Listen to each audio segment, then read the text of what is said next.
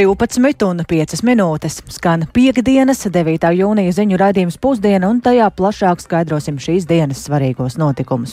Studijā Dāca Pēkšēna, esiet sveicināti! Kādas ir zaļzemnieku iespējas tikt pie amatiem valdībām? Šodien šādu iespēju ZZS plāno apspriest ar jauno vienotību, kas ir sākusi aktīvas sarunas par iespējamu koalīcijas paplašināšanu.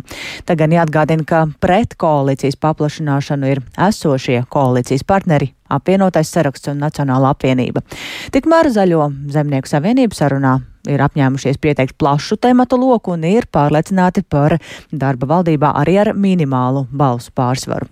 Politiķu sarunām seko līdzi kolēģis Jānis Kīncis, kurš gatavs par to pastāstīt vairāk. Sveiks, Jāni! Sveika, Dārts! Sveicināti klausītāji! Jā, atgādināšu, ka pirms šīm sarunām premjerministrs Krišņāns Kariņš no jaunās vienotības nosauca vairākus reformu uzdevumus. Esošajā koalīcijā ir vienošanās virzīt skolu tīklu un slimnīcu pakalpojumu reformas, taču vienošanos trūkst par vairāku valsts kapitāla sabiedrību kotēšanu biržā, par papildu darba spēka piesaisti, kā arī par Stambulas konvencijas ratificēšanu un partnerattiecību juridisku sakārtošanu. Šo uzdevumu virzību uz priekšu Kariņš eh, saredz plašākā koalīcijā, taču Nacionāla apvienība un apvienotais saraksts vēlas turpināt strādāt trīs partiju koalīcijā un sarunas par iespējamām izmaiņām valdības sastāvā saista ar politisko tirgu valsts prezidenta vēlēšanās. Savukārt Zaļo un Zemnieku savienības pārstāvji šajā pēcpusdienā gaidāmajā sarunā apspriežamo jautājumu lokā piemin arī valsts iekšējo un ārējo drošību, enerģētiku, reģionālo attīstību un lauksaimniecības politiku.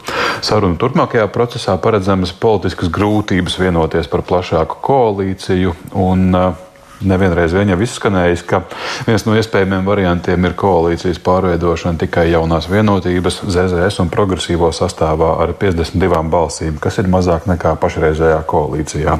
ZZS frakcijas vadītājs Viktors Valainis šo iespējamo scenāriju komentēja optimistiski. Paklausīsimies.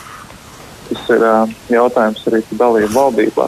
Es domāju, tas ir visnotaļ pozitīvs solis, ka šodien divas saimnes lielākās frakcijas tiks ieslēgt runāt par šiem jautājumiem.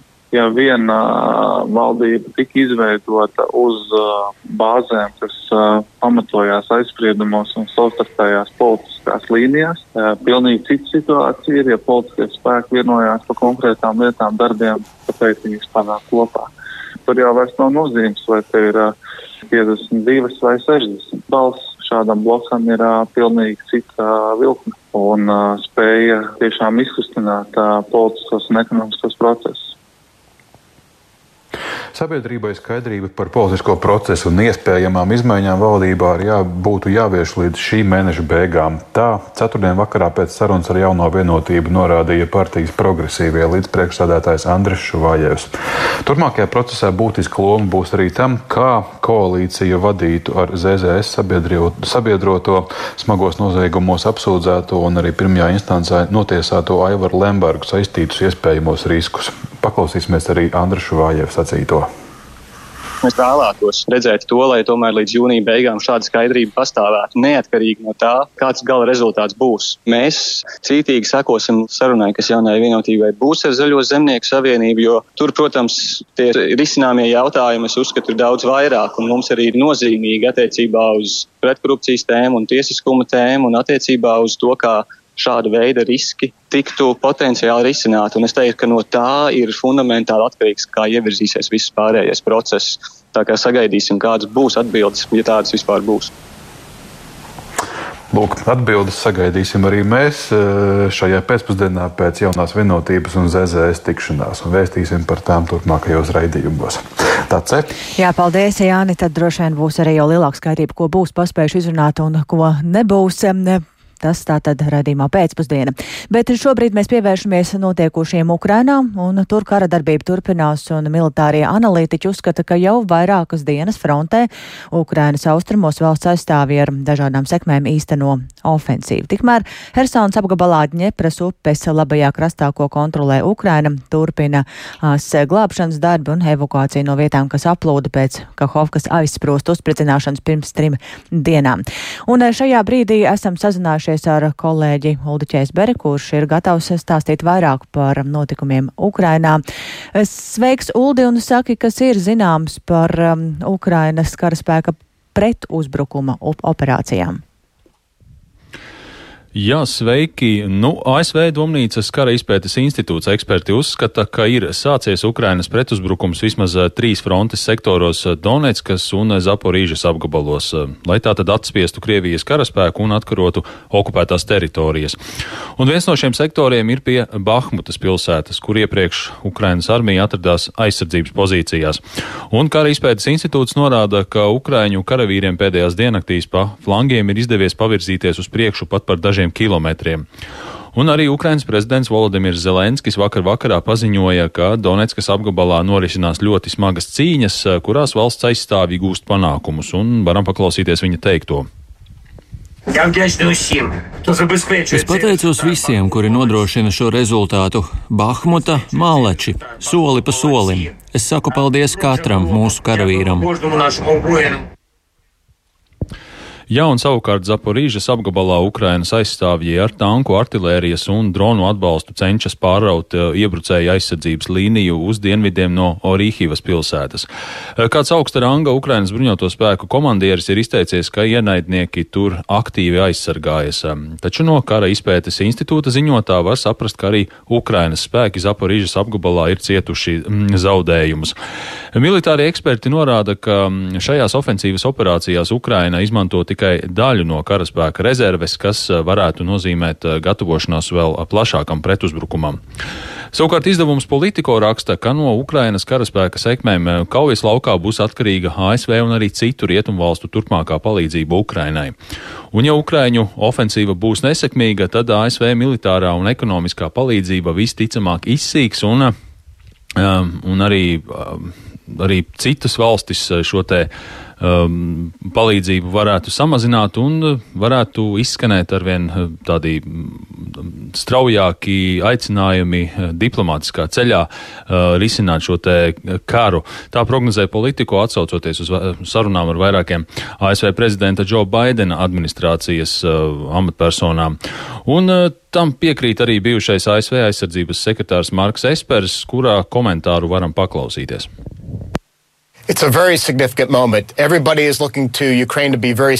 Šis ir ļoti nozīmīgs brīdis. Visi sagaida, ka Ukraina būs ļoti sekmīga frontē. Es nesen biju Eiropā, un tur numur viens jautājums bija, kur ir ASV atbalsts.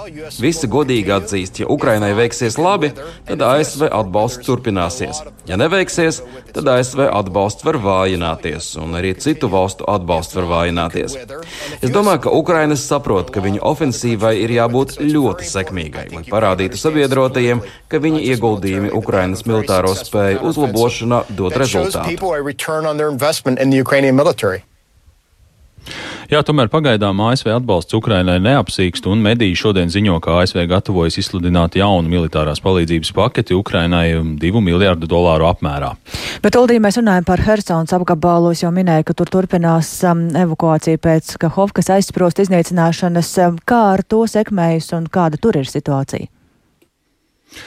Eh, Helsonas apgabala kara administrācijas vadītājs Aleksandrs Prokūdins šorīt paziņoja, ka Ņepras, Ņepras upes labajā krastā ūdens līmenis ir samazinājies līdz vidēji 5,38 metriem, kas ir par aptuveni 20 centimetriem eh, zemāk nekā vakar vakarā. Un līdz šim no aplūdušajiem rajoniem ir evakuēti vismaz 2352 cilvēki un 550 mājdzīvnieki. Taču šos te evakuācijas darbus apgrūtina regulārās Krievijas Krievijas karaspēka apšaudes, kurās eh, vakar ievainoja vismaz deviņus cilvēkus. Ukrainas prezidents eh, Zelenskis, eh, kurš, kā zināms, apmeklēja plūdes kartās vietas Hersonas apgabalā, vakar vakarā paziņoja, ka situācija tur ir ļoti smaga, jo ir notikusi jo ir noticis lielākais ekocīts Eiropā vairāku desmitgažu laikā. Un prezidents vēlreiz apgalvoja, ka Ņepras kreisajā krastā, ko ir okupējusi Krievija, aplūdušas ir vairāk nekā 30 apdzīvotās vietas, bet vietējās varas iestādes neevakuē cilvēkus un nepiegādā tīru dzeramo ūdeni, pārtiku un medikamentus plūdos cietušajiem. Un Zelenskis sacīja, ka milzīgs kaitējums ir nodarīts arī videi, jo zem ūdens ir nokļuvušas noliktavas, kurās atradās liels daudzums degvielas, ķimikāliju un minerālu mēslu, un aplūduši arī vairāk nekā 50 tūkstoši hektāru hektāru mežu, no kuriem vismaz puse iešot bojā, un arī desmitiem tūkstošiem putnu un savvaļas dzīvnieku draudot nāve. Dace. Paldies Uldim Česberim par šo skaidrojumu, un ja mēs vēl pakavējamies pie Krīvijas īstenotā Kahovkas dambi pāraušanas, tad um, Tas ir saīsinājis fronti, bet vienlaikus arī samazinājis pašas Krievijas aizsardzības līnijas, un tas neliecina par pārdomātu rīcību. Tā šorīt kolēģiem Dārai Zīlai un Kristapam Feldmanim sacīja zemessardzes komandieris Kaspars Pudāns. Savukārt runājot par kara darbību Ukrainā, tad viss liecina, ka tā ir iegājusi aktīvākā fāzē, un šobrīd gan izskatās, ka Ukrainas pretuzbrukums joprojām esot sagatavošanas fāzē, un Ukraina vēl tikai meklē īsto vietu tam, un arī maldināšanas operācijas joprojām joprojām ir viena daļa no pretuzbrukuma vajadzībām. Tā norāda Pura, Pudāns un paklausīsimies sarunas fra, fragmentu ar viņu. Vai mēs redzēsim vispār, protams, tādu lielu mērogu uzbrukumu kādā vienā vietā, tas, protams, ir atkarīgs no tā, kas ir militārais mērķis pretuzbrukumam. Vai tas ir satriekt kādus pretinieku konkrētus spēkus, vai drīzāk tiešām koncentrēties kādas teritorijas atgūšanu. Personīgi domāju, ka varētu būt šis otrais variants, jo tas varētu radīt pārliecību gan sabiedrībā, gan sabiedrotajos par to, ka uzbrukums ir bijis sekmīgs. Jā, jo spēku satriekšana varbūt nav tik redzama kā konkrētas teritorijas atgūšana. Iespējams, jā, šobrīd tās aktīvākās cīņas varbūt trīs sektoros vairāk notiek gan pie pašas Bahmutas, Doņetskas apgabala pusē un Zaporižas apgabalā. Domāju, ka kāds no šiem virzieniem arī būs tālākais, kur pēc tiem apstākļiem, nosacījumiem arī Ukraiņas puse izvēlēsies varbūt triekt kaut kādu nopietnāku Tad uzbrukumu. Tādu aktīvāku pretestību mēs vēl varētu sagaidīt. Es domāju, ka tāds lielāks uzbrukums būtu vēl novērojams un gaidāms. Tas, ko mēs tagad redzam, tomēr vairāk ir sagatavošanās, izlūkošana varbūt ar kauju vēl pagaidām. Un, uh, un es arī vēl neesmu redzējis tiešām to visu resursu iesaisti, ko mēs būtu uzskaitījuši, kas ir sagatavots šādam pretuzbrukumam. Un, savukārt no Krievijas puses šodien uzspridzināja Kahovkas Hes. Cik ļoti tas var kavēt Ukraiņu plānus doties pretuzbrukumā vai kaut kādus citus manevrus veikt? Precīzi vēl, protams, nevar pateikt, vai tas bija militāru apsvērumu dēļ, vai kavēt pretuzbrukumu, vai kā ietekmēt, vai tiešām vienkārši atkal radīt teroru un uh, novērst uzmanību vispār no kara darbības. Bet, ja no militārā skatās, tad Protams, jā, šis sektors vismaz pa Dņepras deltos dienvidiem, kurš ir apludināts, tad nosacīti samazina uzbrukuma iespējamību vai forsēšanu pār šo apvidu, jo viņš paliek daudz sarežģītāks forsēšanas operācijām vismaz īslaicīgi. Un, tādā veidā saīsina šo frontes līniju, kur Krievijas pusē būtu jāgatavojas. Bet es nedomāju, ka tas pašus Ukrāņus līdz ar to ietekmē.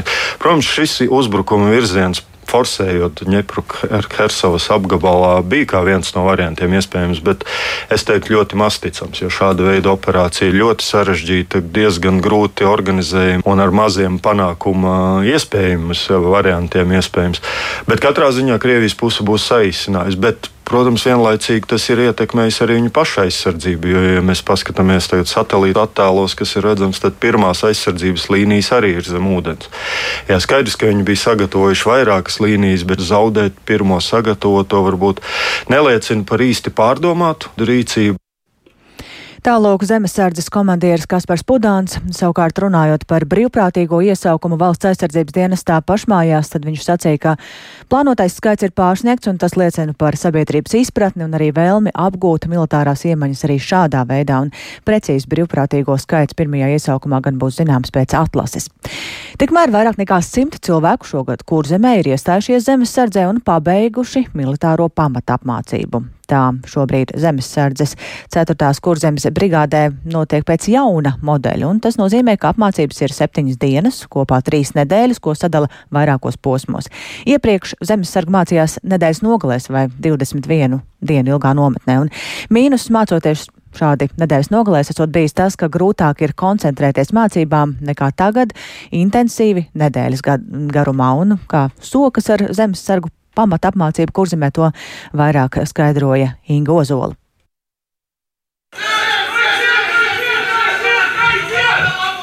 Zemesardzes 4. kurzemes brigādes komandieris pulkvedis Andris Rieksts skaidro, ka salīdzinot ar kara sākumu Ukrainā, šobrīd interesantu skaits stāties zemesardzē ir sarucis, taču tas joprojām ir vismaz par 20% augstāks nekā pirms šiem notikumiem.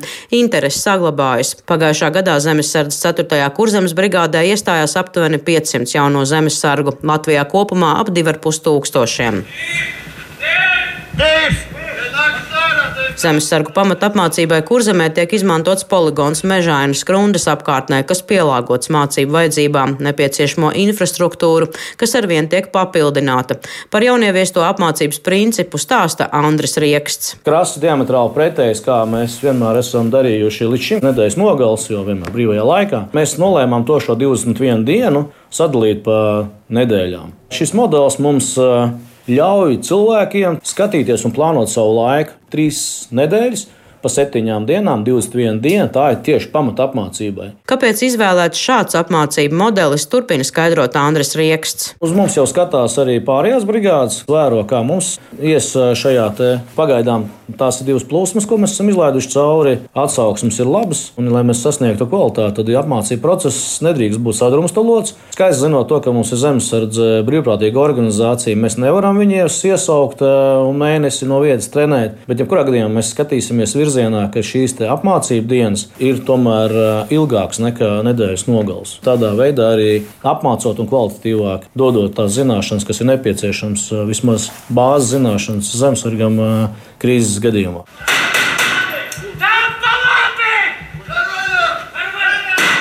Zemesardzes pamatapmācībā nonāk dažādi cilvēki, ne tikai dažādu profesiju, bet arī ar atšķirīgu fizisko sagatavotību un raksturu. Nevienam vien šāds pārbaudījums kļūst par emocionālu notikumu, īpaši jauniem cilvēkiem, kuriem mūsdienās arvien biežāk konstatē vāju fizisko sagatavotību, un tad instruktoriem jāspēj sniegt arī psiholoģisks atbalsts. Stāsta operatīvās pārvaldes apmācību nodaļas priekšnieks Gins Homanis. Katram zemesargam pamatā apmācībā iemācām sniegt pirmo palīdzību, kvalificēt, normāli, pareizi palīdz. Ja? Nu, teiksim, ja viņš aiziet no pamata apmācības, es zinu, ka es to pilsoni padarīšu spēcīgāku, ātrāku, gudrāku, pacietīgāku un ļoti labi apmācījis. Ja? Viņš varēs iemācīt savam bērnam, viņš varēs uz ielas sniegt pirmo palīdzību, viņš vienkārši būs jaudīgāks. Mēs esam paņēmuši to Latvijas pilsoni un padarījuši spēcīgāku. Tas baigs forši, man liekas.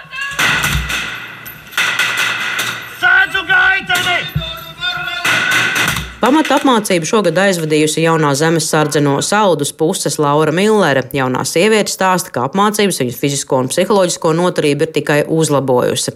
Pati ir auklīta bērndārzā, devusies dekrētā, arī pārtraukusi apmācības zemesardzē, bet tagad tās ir godam pabeigusi. Nedēļa apmācība ir intensīvāka un ļauj vairāk saliedēties, arī palīdzēt viens otram psiholoģiski nepadoties arī kaut kā caur grūtībām tu izturi, tu pēc tam tev ir lepnums par sevi, ka tu esi bijis tik saņēmis sevi rokās un pateicis, ka man ir jāiet līdz beigām, man ir jāizbrien tas grāvis, un man ir jāiznes tā smagā soma līdz tai nometnei, un ir jāiztur, jo es negribēju būt viena no tām vai vienu tā, kura nepabeidz, tā, kura izkrita. Savukārt Gunārs Vasaļevskis pēc profesijas ir inženieris un strādājis metāla apstrādē. Šobrīd viņš apsver iespēju turpināt darbu militārās struktūrās.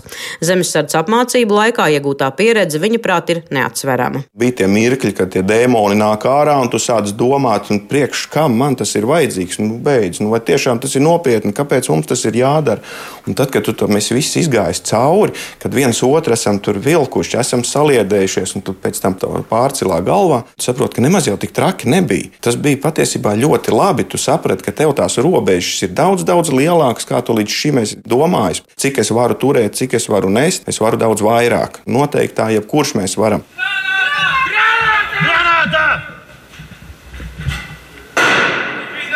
Tikmēr mācību bāzē, kur agrāk atradās bijušais padomju armijas lokators, pašlaik notiek teritorijas atmežošana, kur paredzēts veidot netiešā uguns atbalsta platformu mīnmetējiem.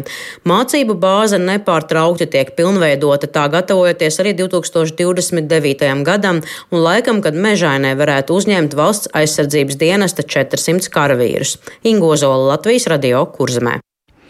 Un tā skaitā arī par aizsardzības aktualitātēm, bet ne tikai. Šajās dienās varēs diskutēt vai arī klausīties cēsīs, jo tur vairāk nekā 300 dažādu pasākumu, diskusiju šajās dienās ir paredzētas un um, šodien un Rīt notiek jau devītais sarunu festivāls Lampa.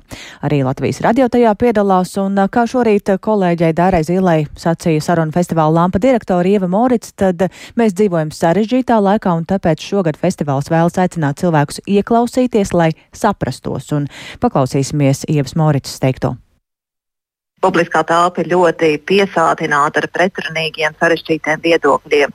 Mēs uzskatām, ka ja mēs spētu viens otrā vairāk ieklausīties, saprast, kas ir aiz cilvēku izteikumiem, kas aiz tā stāv, kādas viņa domas, izjūtas, emocijas, nu, mēs arī varētu kopīgi labāku šo kopējo saziņas telpu veidot. Cik dažādām gaumēm, interesēm un viedokļiem paredzēta programma? Es domāju, jebkurš cilvēks atradīs sev kādu interesējošo tēmu, jo mums kopumā ir vairāk nekā 300 pasākumu un 1081 runātājs par visdažādākajām tēmām. Nu, teiksim, gan par tādām ļoti sarežģītām tēmām kā politiskā nācija, vārda brīvība, politiķu solījumi un darbi, gan par tādām cilvēkiem tuvām tēmām, nu, piemēram, zīšanās pēc panākumiem, profesionālajiem un ko tas nodara cilvēku veselībai vai par darba tiesībām un, un cilvēku labbūtību darbā, par novecošanu, par attiecībām ģimenē. Arī skaists kultūras bloks ir šī gada programmā, gan Daugopils teātris izrāda Mēla bez noteikumiem, gan skaista tāda laikmetīgās mākslas choreogrāfijas performance no Liepājas. Un mazajiem bērniem būs arī brīnišķīga programma, tā kā droši var braukt ar bērniem. Būs gan Ričijs Rū, kas ar bērniem runās par drošu internetu, gan teātris izrāde mazajiem bērniem no rēceknes. Tā kā tiešām visiem vecumiem, visām gaumēm, visām interesēm būs kaut kas vērtīgs šī gada programmā. Vai festivāls aug plašumā un um, tas dalībnieku skaits pieaug? Šī tiešām ir vērienīgākā festivāla programma ar lielu, lielu runātāju skaitu un ļoti daudzām norises vietām. Mēs esam Cēta pilsēta parkā, Jaunās pilsētas laukumā un Māja parkā un kopumā ir 55 skatuves vai teltis, kur notiks rosība, sarunas, darbnīcas, diskusijas visu šo divu dienu garumā. Nu, tas nozīmē, ka Latvijas sabiedrībai ir vēlme pēc šāda formāta, un par to mēs esam ārkārtīgi pateicīgi ikvienam pasākumu rīkotājam un arī ikvienam runātājam, kas ir uh, gatavs ar savām zināšanām dalīties. Kas jāņem vērā tiem, kas plāno doties uz cēsīm? Mēs aicinām cilvēkus izmantot iespēju braukt ar sabiedrisko transportu, braukt vairākiem kopā. Papildus būs arī vilcieni. Mums ir arī telšu pilsētīgi nodrošināta izturīgākajiem festivāla apmeklētājiem. Mēs esam paraupējušies par ūdens dzeramajiem punktiem. Nu, vienkārši jābrauc ar labu noskaņojumu un atvērtu prātu. Apmēram puse no festivāla pasākumiem būs skatāms tiešraidē, un pēc tam arī festivāla digitālajā arhīvā.